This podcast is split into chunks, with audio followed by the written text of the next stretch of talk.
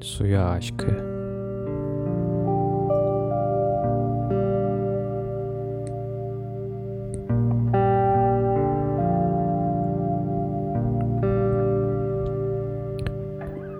Günün birinde bir çiçekle su karşılaşır ve arkadaş olurlar. İlk önceleri güzel bir arkadaşlık olarak devam eder birliktelikleri. Tabii zaman lazımdır birbirlerini tanımak için. Gel zaman, git zaman, çiçek o kadar mutlu olur ki mutluluktan içi içine sığmaz artık. Ve anlar ki suya aşık olmuştur. İlk kez aşık olan çiçek etrafa kokular saçar. Sırf senin hatırın için ey su diye öyle zaman gelir ki artık su da içinde çiçeğe karşı bir şeyler hissetmeye başlamıştır. Zanneder ki çiçeğe aşıktır ama su da ilk defa aşık oluyordur. Günler ve aylar birbirini kovalar ve çiçek acaba su beni seviyor mu diye düşünmeye başlar.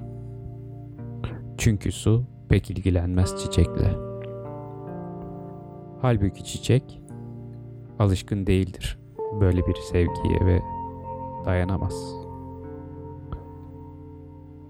Çiçek suya seni seviyorum der. Ben de seni seviyorum der. Aradan zaman geçer ve çiçek yine seni seviyorum der.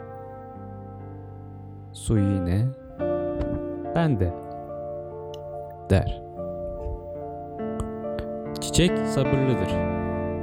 Bekler, bekler, bekler.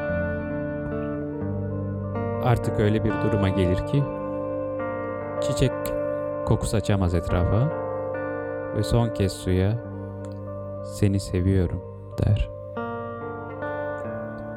Su da ona söyledim ya ben de seni seviyorum der.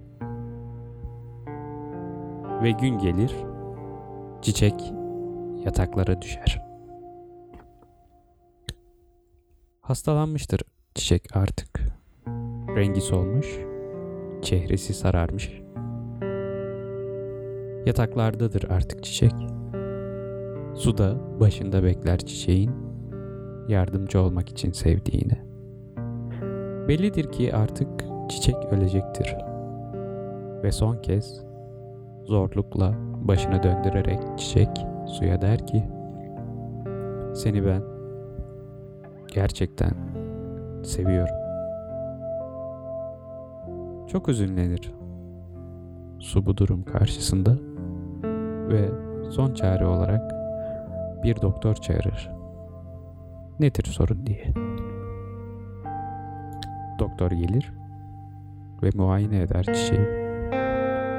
Sonra der hastanın durumu ümitsiz. Artık elimizden bir şey gelmez.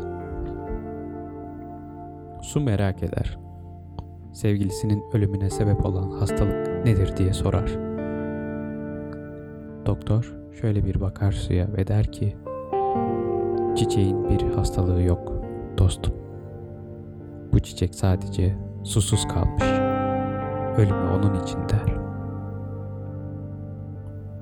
Ve anlamıştır ki artık su sevgiliye sadece seni seviyorum demek yetmemektedir.''